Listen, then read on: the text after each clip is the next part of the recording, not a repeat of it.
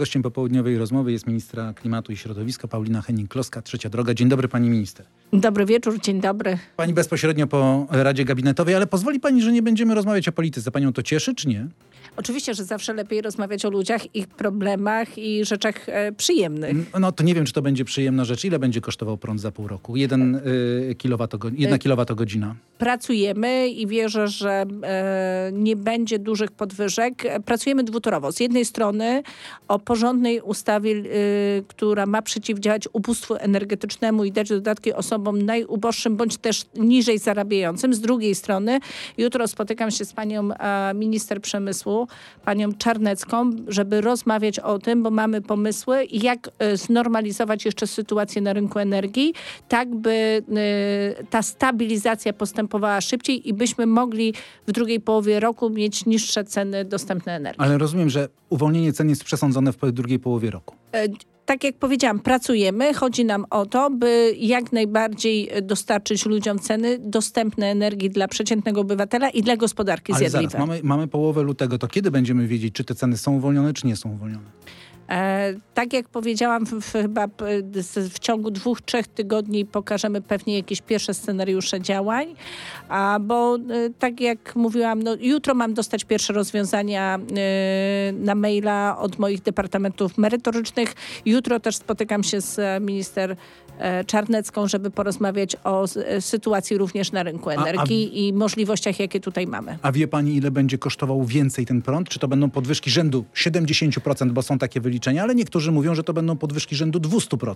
Nie, takich podwyżek nie ma. Jeżeli chodzi o cenę energii, to ceny, e, gdybyśmy teraz, bo my bazujemy na cenach z 2021 roku, a w międzyczasie no, pensje poszły do góry o pewnie jakieś 30-40% i ceny, no bo przecież mieliśmy dość wysoką inflację, więc punkt wyjścia jest faktycznie dość niski. Natomiast e, naszym celem jest e, tak jak powiedziałam, dalsza strukturalna poprawa e, tych cen na rynku energii. Taryfy w tym roku, po roku poprzedniego spadły o jakieś 30%. Językiem dla ludzi, będziemy, będziemy chcieli, znaczy na ten moment liczymy, jakie mamy możliwości, czy jeżeli chodzi o ceny energii, czy jeżeli chodzi o pomoc dla obywateli. E, I tak jak powiedziałam, no proszę nam dać jeszcze te dwa, trzy tygodnie, żebyśmy e, przekazali społeczeństwu, jakie mamy możliwości i jak będzie się sytuacja kształtowała w drugiej połowie roku. Ale mali i średni przedsiębiorcy muszą wiedzieć już teraz, żeby się przygotować chociażby do tego, żeby y, ich biznesy dobrze funkcjonowały. Jak te ceny będą wyglądały? Czy oni mają się przygotować na gigantyczne podwyżki? My za te podwyżki zapłacimy wszyscy w pewnym sensie. To po kolei. Jeżeli chodzi o ceny energii, to dzisiaj przeciętne gospodarstwo domowe na tym, że mamy mrożone ceny, zaoszczędziło w pierwszej połowie roku 500 zł. Czyli mówimy mniej więcej o tej skali wyzwania na drugą połowę roku. I oczywiście dla jednego gospodarstwa domowego to jest cena nie do przeskoczenia, dla innego nie stanowi problemu. Jeżeli chodzi o przedsiębiorstwa zaś, to ceny dziś dostępne na rynku są niższe niż e, ceny mrożone. Więc tu absolutnie nie powinno być e, żadnego zaskoczenia in minus, co najwyżej może być zaskoczenie in plus. Ej, Ile kosztuje budżet y, utrzymywania zamrożonych cen? Mniej więcej? W pierwszej połowie roku szacowaliśmy, że to będzie około 15 miliardów e, złotych rocznie i dzisiaj naszym celem jest oczywiście strukturalnie rozwiązać problem, więc e, w większym zakresie jeszcze zobaczyć, czy mamy do czynienia z nadmiarowymi zyskami w systemie, czy jest przestrzeń do obniżki i stabilizacji cen. To badamy i nad tym staramy się pochylić. Ilu z tych, ile z tych 15 miliardów będzie przeznaczone na programy osłonowe, jeżeli te podwyżki, jeżeli ceny zostaną uwolnione? Tak jak powiedziałam, potrzebujemy jeszcze z dwóch, trzech tygodni, żeby zaprezentować rozwiązania na drugą połowę roku. Zapytam inaczej, czy y, programami osłonowymi dotyczącymi cen, rosnących cen prądu zostanie objętych, nie wiem, 10% odbiorców czy 50% odbiorców?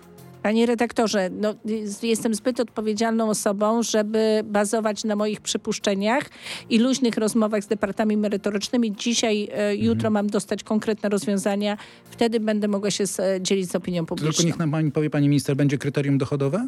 Y, na pewno y, zawsze tak było. Czy każda z tych ustaw y, jednak zakładała, że część dodatków jest dedykowana tylko i wyłącznie dla biedniejszej e, struktury społeczeństwa e, i na pewno w dalszym zakresie to wsparcie dla osób uboższych będzie większe. My mamy ubóstwo energetyczne dwukrotnie większe od średniej e, europejskiej i niewątpliwie to stanowi obszar szczególnego zainteresowania naszego ministerstwa, bo czy te rodziny wielodzietne, wieloosobowe o niższym dochodzie, czy seniorzy mają naprawdę ogromny problem z, mieliby ogromny problem z pokryciem rachunków za ceny, gdyby one drastycznie wzrosły. Pani minister, w piątek protestowali rolnicy na drogach w całej Polsce. Będą protestować jeszcze 20 lutego, zapowiadają marsz, marsz gwiaździsty. Co pani powie rolnikom, którzy mówią, nie chcemy Zielonego Ładu?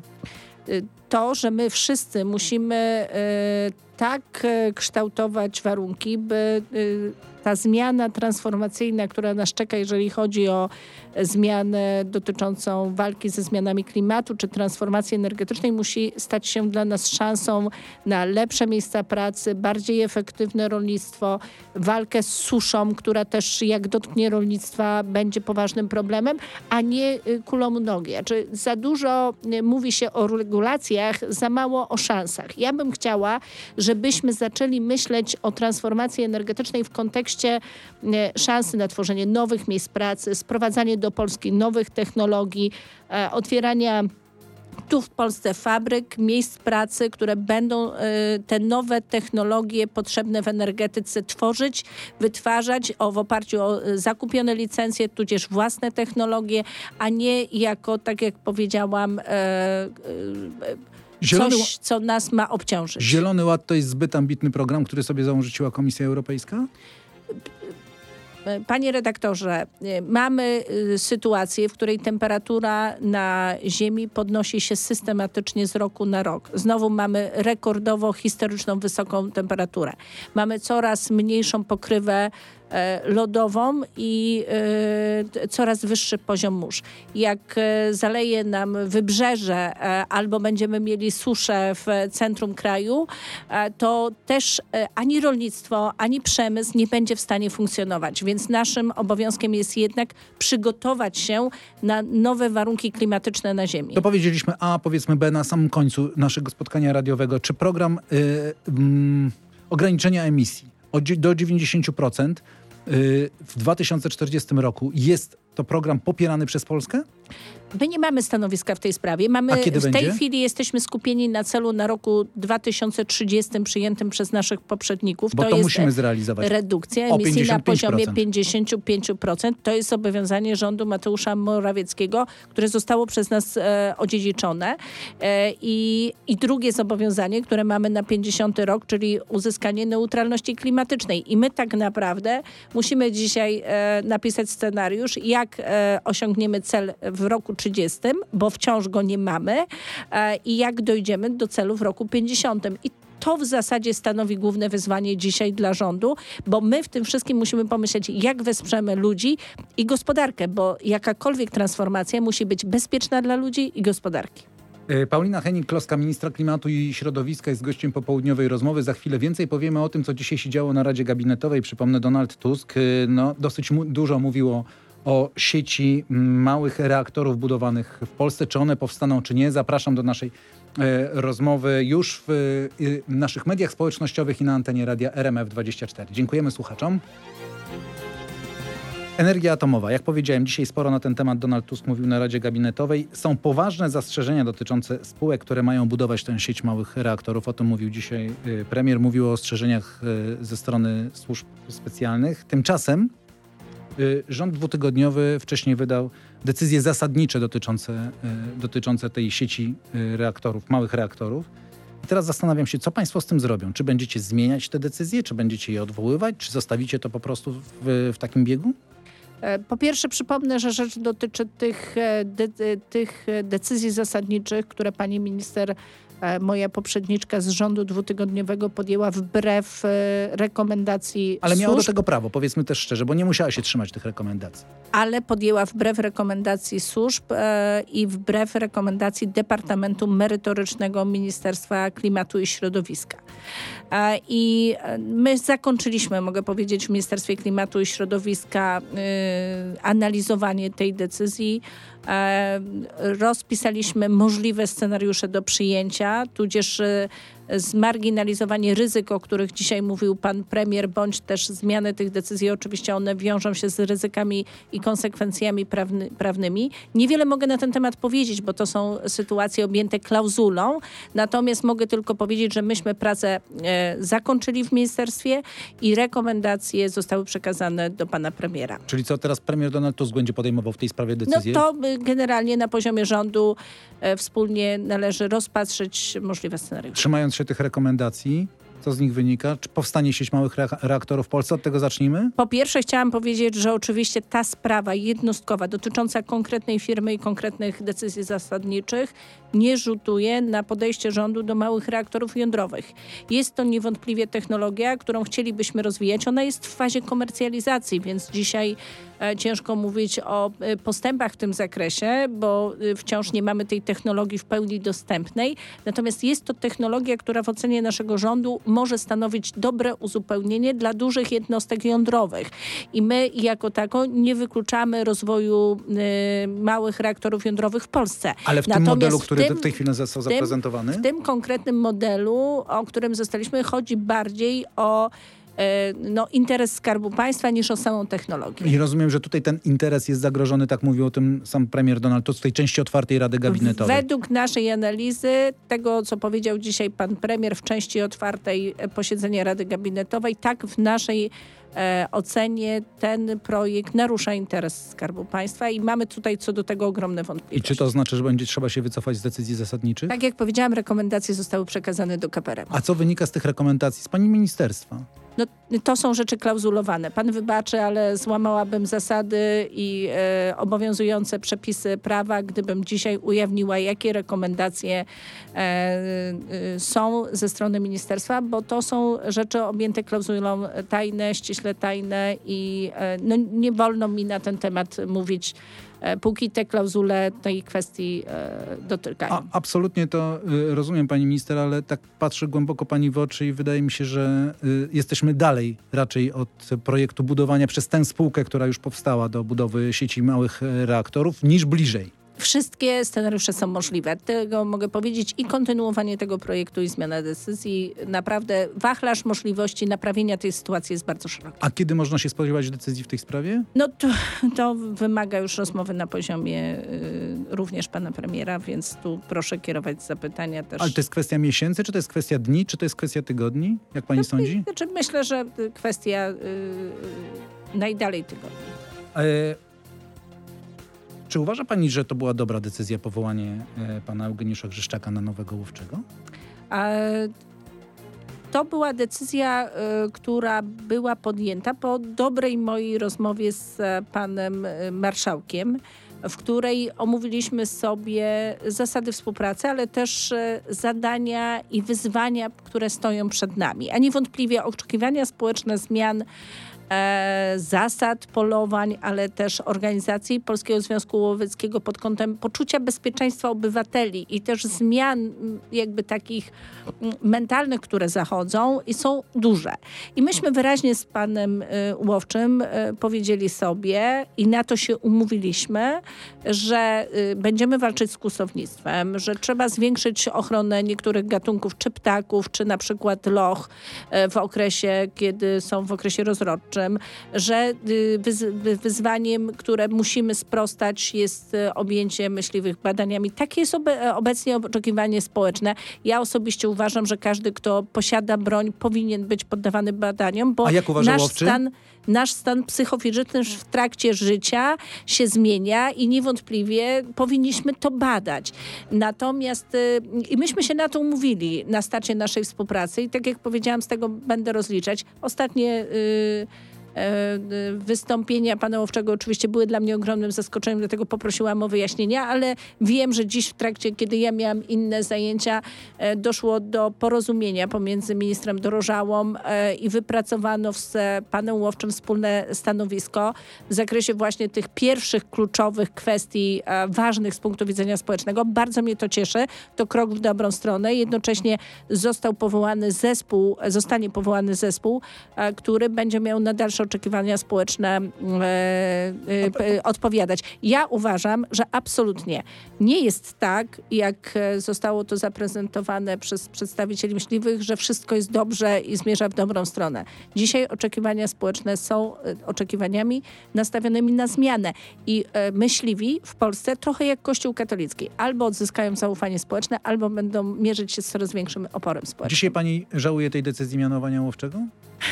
Potrzebujemy niewątpliwie na czele związku kogoś, kto jest otwarty na zmiany, kogoś, kto jest e, gotowy współpracować w tym zakresie z ministerstwem i pan Łowczy musi taką chęć i wolę posiadać. A na razie pani widzi tę wolę zmian i wolę współpracy? Tak jak powiedziałam, ja wczoraj miałam krótkie spotkanie z e, panem marszałkiem. E, jutro będę chciała porozmawiać dalej i na tej podstawie uznam, czy ta możliwość współpracy dalsza istnieje, czy nie, bo ja potrzebuję też dialogu z myśliwymi. To nie jest tak, że my zmienimy to środowisko, nie prowadząc z nimi dialogu i rozmowy, bo z drugiej strony oni też wykonują, wykonują jakieś zadania z punktu, ważne z punktu widzenia państwa państwa.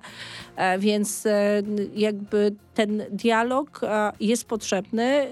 Nie zmienimy środowiska bez rozmawiania z przedstawicielami myśliwych, a więc ten konsensus wypracujemy tylko we współpracy. Ale tak jak powiedziała pani w przypadku energetyki atomowej, też by pani powiedziała, że wszystkie opcje są na stole w tym sporze? Mm, na pewno nie taka, że status quo pozostanie bez zmian status quo. No, że te, jakby, że w związku jest wszystko dobrze, nie ma problemu myśliwych, że y, jakby nie mamy potrzeby zmian w tym obszarze. No są potrzeby zmian. Ludzie faktycznie chodząc do lasu nie mogą się bać, nie mogą się czuć zagrożeni. Z drugiej strony pewne czynności ze strony myśliwych muszą być wykonywane, więc my naprawdę musimy tu wypracować nową umowę społeczną i nowy konsensus społeczny. I to jest dla dobra obydwu stron. A czy myśli pani, że myśliwi to rozumieją?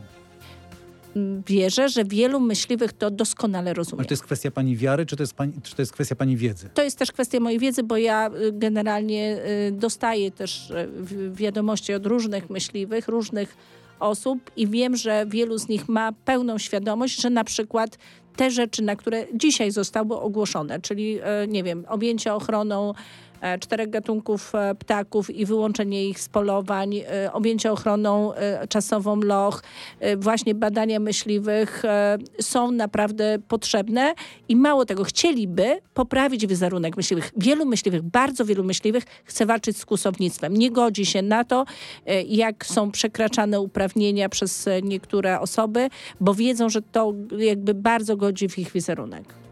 Pytam o to dlatego, że wie pani, nie mówimy o, o e, wydaje się oczywistej sprawie, że w gruncie rzeczy za, za nominacją dla pana Eugeniusza Grzeszczaka stoi polityka.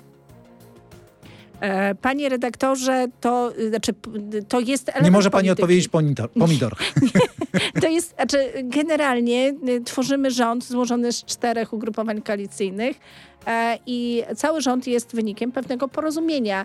A właśnie, ale to porozumienie musi służyć temu, gdziekolwiek, o jakimkolwiek odcinku porozumienia rozmawiamy, to musi służyć temu, żeby rozwiązywać problemy, a nie je tworzyć. A pani dostrzega, że jest wola polityczna także u pani współkoalicjantów, żeby ten problem rozwiązać? Myślę, że tak. Każdy ma na celu to, by koalicja pracowała jak najlepiej, by pożądane społecznie zmiany i ustawy przechodziły przez e, Sejm.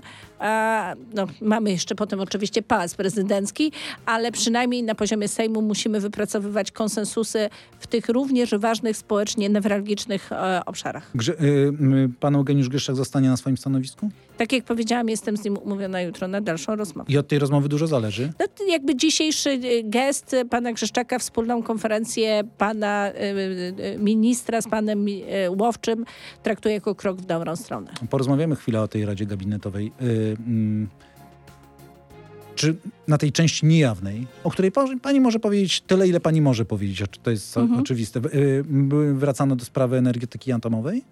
Znaczy, generalnie te duże inwestycje, to chyba padło też dość wyraźnie ze strony pana premiera i prezydenta, były przedmiotem dyskusji. Ja mogę zapewnić, że wszystkie duże inwestycje, które mają uzasadnienie ekonomiczne bądź są pożądane z punktu widzenia bezpieczeństwa na przykład energetycznego są kontynuowane. Jeżeli chodzi o, o energię jądrową, 8 stycznia już ten rząd podjął decyzję, e, w efekcie której e, klauzula ostatecznej zyskała decyzja lokalizacyjna. Tak, były dyskusje no tak. o tym, czy lokalizację zmieniać, czy nie.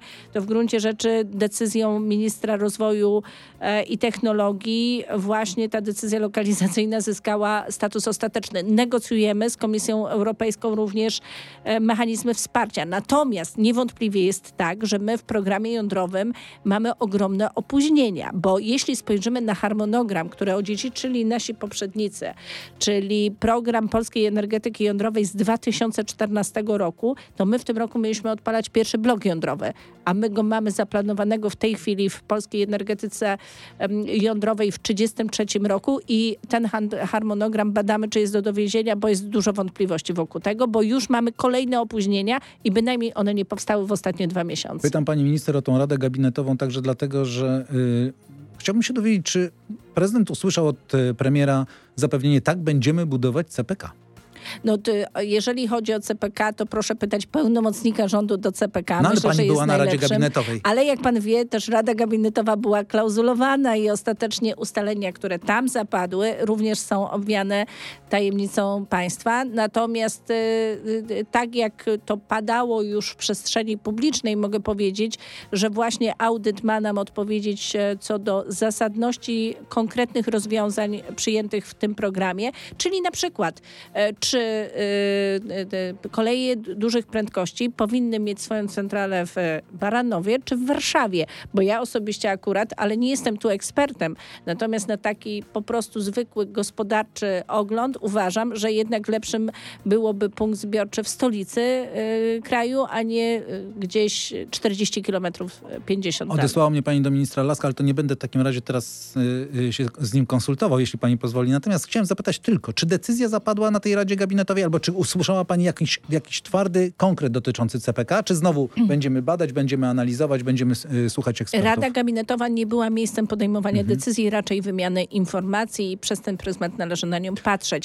Decyzje zapadają na Radzie Ministrów i są wykuwane na poziomie rządu, natomiast warto pewne rzeczy na pewno między Radą Ministrów a Pałacem Prezydenckim konsultować, zwłaszcza te, które będą przedmiotem ustaw, e, na przykład e, wymag wymagały pewnego nawet porządku wewnątrz rządu, czy projektowania konkretnych rozwiązań ustawowych, bo ostatecznie prezydent musi je podpisać. Czy prezydent dostał od premiera komplet dokumentów dotyczących Pegasusa? E, z tego, co pan premier mówił w części otwartej, tak, i z tego, co słyszy się, y, informacje tam zawarte są porażające. Czy pani y, wie, ile osób było na tej liście? Pan premier mówił, że była, jest lista bardzo długa, jeśli chodzi o osoby podsłuchiwane Pegasusem. Y, to wiedziałam już też wcześniej, że ta lista jest bardzo długa. Pan premier to faktycznie potwierdził, co w kuluarach bardzo można było Bardzo długa to jest ile? To jest 50 osób, czy to jest 250 osób, czy może 2,5 tysiąca nie osób? Posia nie posiadam tej informacji, ale z, no, informacje, które w kuluarach można usłyszeć są zatrważające. Wierzę, że niebawem opinia publiczna, chociażby poprzez działanie Komisji Śledczej do spraw Pegasusa dowie się całej prawdy na ten temat. Mateusz Morawiecki był podsłuchiwany Pegasusem? Proszę pytać y, osoby, które mają informacje na ten temat. Zakładam, że było, jest to możliwe, bo dobrze wiemy, jakie e, walki toczyły się na poziomie rządu i że tam na koniec tak naprawdę bardziej rozgrywali siebie niż współpracowali ze sobą, co zresztą było widać również po wyrywaniu sobie kompetencji czasami niezasadnych. Przykład CPK, które pełnomocnik umiejscowiony w e, Ministerstwie Rozwoju e, i Polityki Regionalnej, który w zasadzie jest ściśle związany z Ministerstwem Infrastruktury. Znaczy takie układanie spraw w rządzie absolutnie nie służyło szybkiej realizacji ważnych inwestycji. Paulina Henning-Kloska, ministra klimatu i środowiska, była gościem popołudniowej rozmowy w RMFFM. Bardzo pani dziękuję. dziękuję bardzo. Pani minister.